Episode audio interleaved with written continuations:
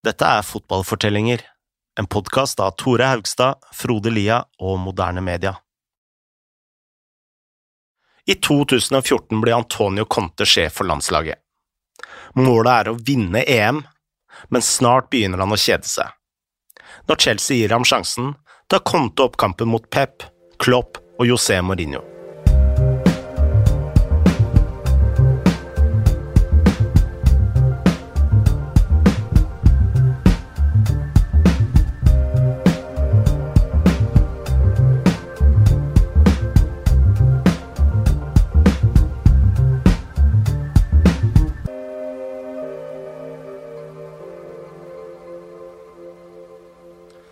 Da han var ute av Juventus, skulle Antonio Conte egentlig ta en pause. Han skulle kanskje ligge litt på stranda, spise litt god pasta, studere litt engelsk mens han venta på en ny klubb. Men så røyk Italia på hodet og rumpa ut av gruppa i VM, og Cæsar Prandelli fikk fyken. Da Fotballforbundet ville gjøre ham til den tredje best betalte landslagstreneren i verden, så ble Conte for fristet til å kunne si nei. Så mye tjente han at forbundet trengte all hjelp de kunne få fra sponsorene for å kunne betale lønningene. Conte tok jobben med mål om å innføre den kulturen han hadde skapt i Juventus. Jeg er her for å vinne, sa Conte. For meg er forskjellen mellom seier og tap den samme som mellom liv og død. Men starten var tung. Italia slet seg til EM med grusom fotball, og Conte byttet ofte formasjon på leting etter noe som funka. Samtidig krangla han med trenerne rundt omkring i Serie A fordi de ikke ville gi slipp på sine spillere. Faktisk gikk han så langt at han kansellerte flere treningsleire i ren protest. Han klaga på det lave antallet italienere i Serie A, og havna på krigsstien med den gamle dame. Da Claudio Marquisio ble skada mens han trente med landslaget, anklaga Juventus Conte for å kjøre spillerne altfor hardt. Etter kun seks måneder i jobben var Conte så sint og frustrert at det var rykter om at han kom til å slutte. Han ble værende frem til EM, men eh, like før turneringa starta, så sa han at han ble rastløs av å gå så lang tid uten kamper. Han ville jobbe mer, han ville se spillerne oftere, og han ville konkurrere hver eneste helg. Snart ble han selvfølgelig anklaga for å ikke respektere denne svære jobben som skulle være den beste i italiensk fotball, og kritikken stilna jo ikke akkurat da Conte ble klar for Chelsea før EM var i gang. I EM satt Conte med dårlig kort på hånda. Marquisio var ute, Marco Verratti var også skada, og Conte var allergisk mot spillerne som ikke fulgte ordre. Mario Balotelli ble ikke engang vurdert og Andrea Pillo, som nå var i New York City, ble heller ikke ringt opp. I stedet tok Conte ut sine gamle forsvarsbauter fra Juventus, pluss et knippe pålitelige arbeidshester. Den største offensive profilen var Graziano Pelle, som spilte for Southampton på den tiden. Noen mente at dette var det verste landslaget Italia hadde sett på over 50 år. Men Conte ville ha ting på sin måte og ga full gass med de spillerne han hadde valgt ut. Han samla stallen på treningsleir i Montpellier, hvor banen var beskytta med piggtråd, sikkerhetsvakter og bjeffende illsinte rottweilere. Verken presse eller spioner eller speidere fra andre landslag skulle få se hvordan han trente sine spillere. Conte innførte 3-5-2, igjen med innøvde offensive trekk hvor alt gikk på skinner, og da EM kom i gang, var ingen forberedt på det Italia hadde planlagt. Da Italia knuste Belgia 2-0 i gruppespillet, ble Conte ansett som EMs fremste strateg. I åttendedelsfinalen leverte de en taktisk mesterklasse mot Spania, mens Conte bjeffa ut ordre og pekte i øst og vest for å vise hvem spillerne skulle presse. Italia nådde kvartfinalen mot Tyskland, hvor de tapte på straffer etter et pinlig forsøk fra Simone Sasa, men Conte hadde fått stor respekt fra mange inkludert vår venn Even Bråstad. Det er altså et italiensk landslag som, som, kommer seg til en kvartfinale, nesten slår ut regjerende verdensmester med Emanuele Giaccherini og Marco Parolo som indreløpere. Eder og uh, Graziano Pelle på topp. Altså, det er et helt totalt profilløst italiensk uh, landslag som, som ble bygd på Conte-måten. Giaccherini har jo sine vakreste fotballuker den sommeren der. Så han, han, bygde det laget på den måten han så at det, det trengtes. For å spille på den måten han, han ønska.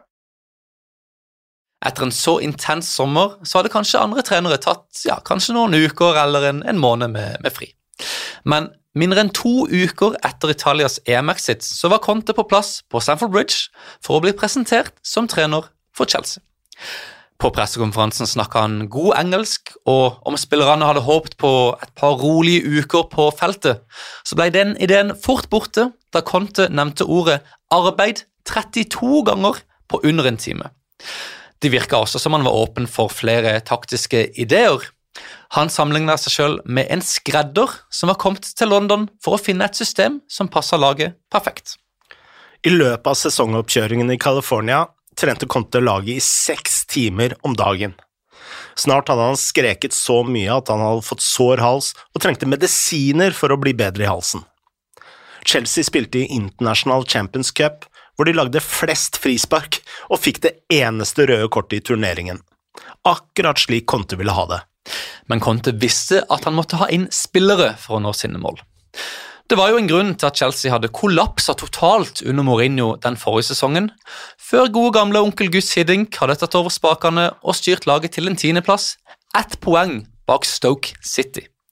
Chelsea hadde røket ut av sjette runde i FA-cupen, de hadde tapt i fjerde runde av ligacupen, og de hadde blitt sendt hjem i åttendedelsfinalen i Champions League. Selv ikke Community Shield hadde Chelsea klart å vinne. Nå skulle Conte svømme blant haiene i den engelske eliten. Pep Guardiola hadde nettopp kommet til City, Jürgen Klopp var i gang i Liverpool, og José Mourinho hadde nylig sjekket inn på The Lavery Hotel i Manchester. Ifølge engelsk presse ville Conte ha inn seks spillere, og det brennkvikt. Men innen ligasesongen var i gang, hadde han kutt fått ett av sine førstevalg, nemlig Ngolo Kanté. Dette til tross vant Conte sine tre første ligakamper. Han gikk ut i en litt sånn uvanlig 4-2-3-1, iallfall uvanlig til å være han, med Ivanovic på høyre back, Aspiliketa på venstre, Oscar sentralt sammen med Matic og Kanté. Men Chelsea var aldri spesielt overbevisende i disse kampene. Um, de trengte et seint mål fra Diego Costa for å slå Westham hjemme, og bort mot Watford lå de under 1-0 med ti minutter igjen. Så like før vinduet stengte 1.9, fikk Chelsea inn David Luiz og Marcos Alonso. Begge virka som hastekjøp for å holde Conte fornøyd. Da ligaen fortsatte etter landslagspausen, falt Chelsea sammen totalt alle problemene som hadde bobla under overflaten de første kampene, kom nå til syne. De klarte kun 2-2 borte mot Swansea, og så tapte de 2-1 hjemme mot Liverpool. Da de møtte Arsenal borte, føltes det ut som en kamp Chelsea måtte vinne. I stedet lå de under 3-0 til pause, med store avstander i laget og grove personlige feil. Dette er kommenteringen fra BT Sport. Shani was there again defensively. David Luiz and Gary Cahill. Alexis Sanchez is onside, and Mesut Ozil can walk onto it.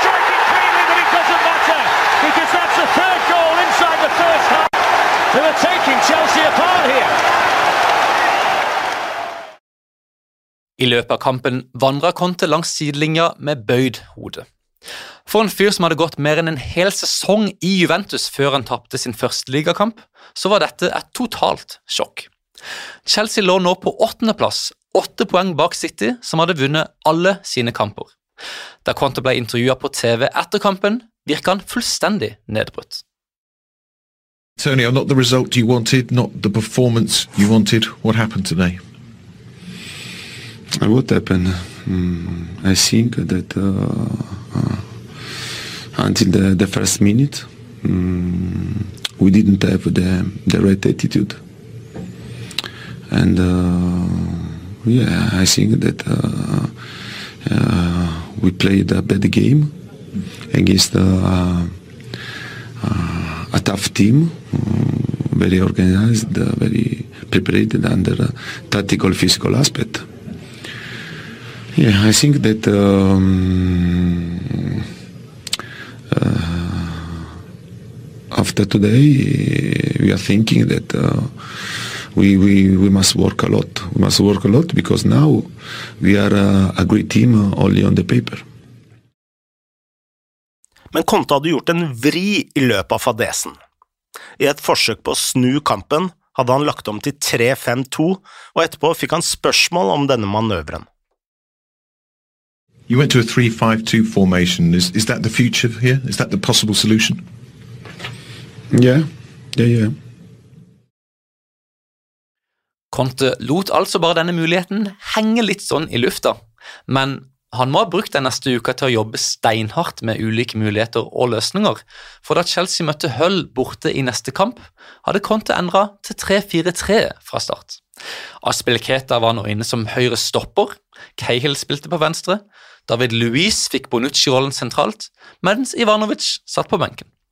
På midten skulle Kanté og Matic vinne alt av dueller, på wingbackene spilte Alonso og Victor Moses, og fremme lå Eden Hazard og William som playmakere bak Costa. Det var nesten ingen i Premier League som spilte med tre bak på denne tida, men Chelsea de vant 2-0, og Conte beholdt systemet. Det ble starten på en av de mest utrolige snuoperasjonene Premier League har sett. Chelsea strakk seierstreken til 13 ligakamper, noe som skjøt laget til toppen av tabellen. Plutselig var Cale bunnsolid, David Louis så ut som Frans Beckenbauer, og Victor Moses var gjenfødt som en blanding av Dani Alves og Cafu. Så disiplinerte var spillerne at selv Diego Costa gikk ti kamper uten å se verken gult eller rødt. Og det var nesten kun Conte som kunne klart dette med de spillerne. Igjen var det systemet som fikk maksimalt ut av navn som ellers var ganske begrensa. Han gjør ting veldig enkelt hvis uh, premissen ikke er til stede for å gjøre det vanskelig. Han sa jo det i Juventus, han har lyst til å spille 4-2-4, sånn som han gjorde med Bari og til dels med Italia, men han så at Andrea Pirlo løper ikke nok til at det funker. I Chelsea spilte mer offensivt, for han hadde Kanté som kunne dekke opp for, dekke opp for folk. Men han er ekstremt dyktig til å bare sette de rammene som må til for å bygge fundament først, og så kan heller kreativiteten komme når, eh, når, det skal til. Det er en spiller som har spilt ved siden av noen av de mest kreative spillerne i historien, sånn som Sindin Zidane.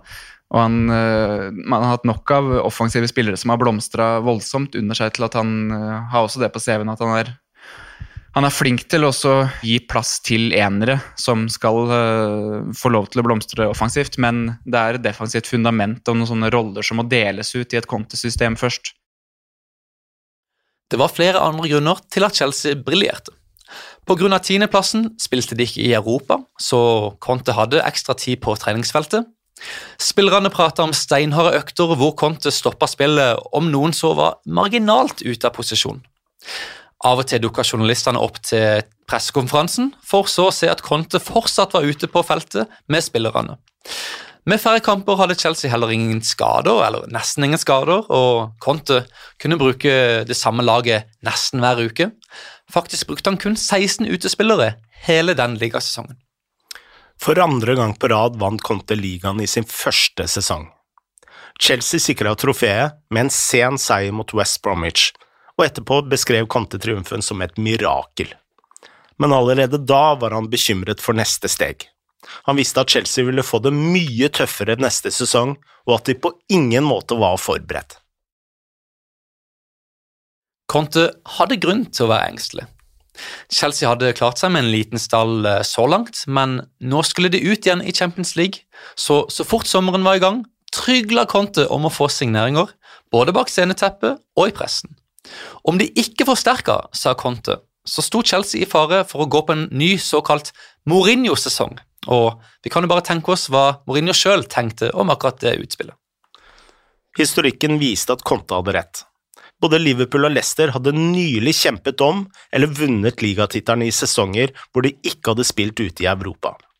Begge hadde falt fullstendig fra hverandre den neste sesongen, så Conte trengte en større stall men i stedet ble den faktisk mindre. Chelsea hadde allerede solgt Oscar og Ivanovic, og nå forsvant også John Terry, Begovic, Matic og ikke minst Costa, som fikk beskjed av Conte om at han ikke var med i planene, og som like greit bare dro hjem til Brasil og nekta å komme tilbake. Til slutt fikk Chelsea inn en del navn, blant andre Caballero, Rudiger, Bakayoko, Morata, Zappacosta og ikke minst Danny Drinkwater. Men dette var jo mildt sagt hit and miss. Ja, for i ettertid har dette blitt en av de verste overgangsvinduene på lang tid. Bakayoko falt fullstendig igjennom, Drinkwater holdt på ingen måte nivået, og Morata mista fullstendig selvtilliten. Mange av disse navnene var andrevalg som Chelsea kjøpte etter å ha gått glipp av førstevalget. Og da sesongen kom i gang, betalte Conte prisen. Chelsea var en skygge av det laget de hadde vært. I februar lå de 18 poeng bak City med et nylig 3-0-tap hjemme mot Bournemouth i sekken. De hadde spilt tolv kamper mer enn på samme stadie året før, så naturlig nok hadde fraværende tårna seg opp, bl.a. i form av syv hamstringsskader. Conte var rasende på at han ikke hadde fått mer støtte fra klubben, og påsto at han hadde gjort en god jobb i det som var en krisesituasjon. På et tidspunkt gikk Conte nesten til krig mot sine sjefer via pressen. Han ville hele tiden ha inn spillere, og fremsto som en plaga mann som ville bort. Da Chelsea endte på femteplass, 30 poeng bak City, ble han sparka ut av Stamford Bridge. Kanskje burde han ikke sutra så mye, men som Conte selv sa, jeg er ingen diplomat. Akkurat det var noe hans neste arbeidsgiver også skulle erfare.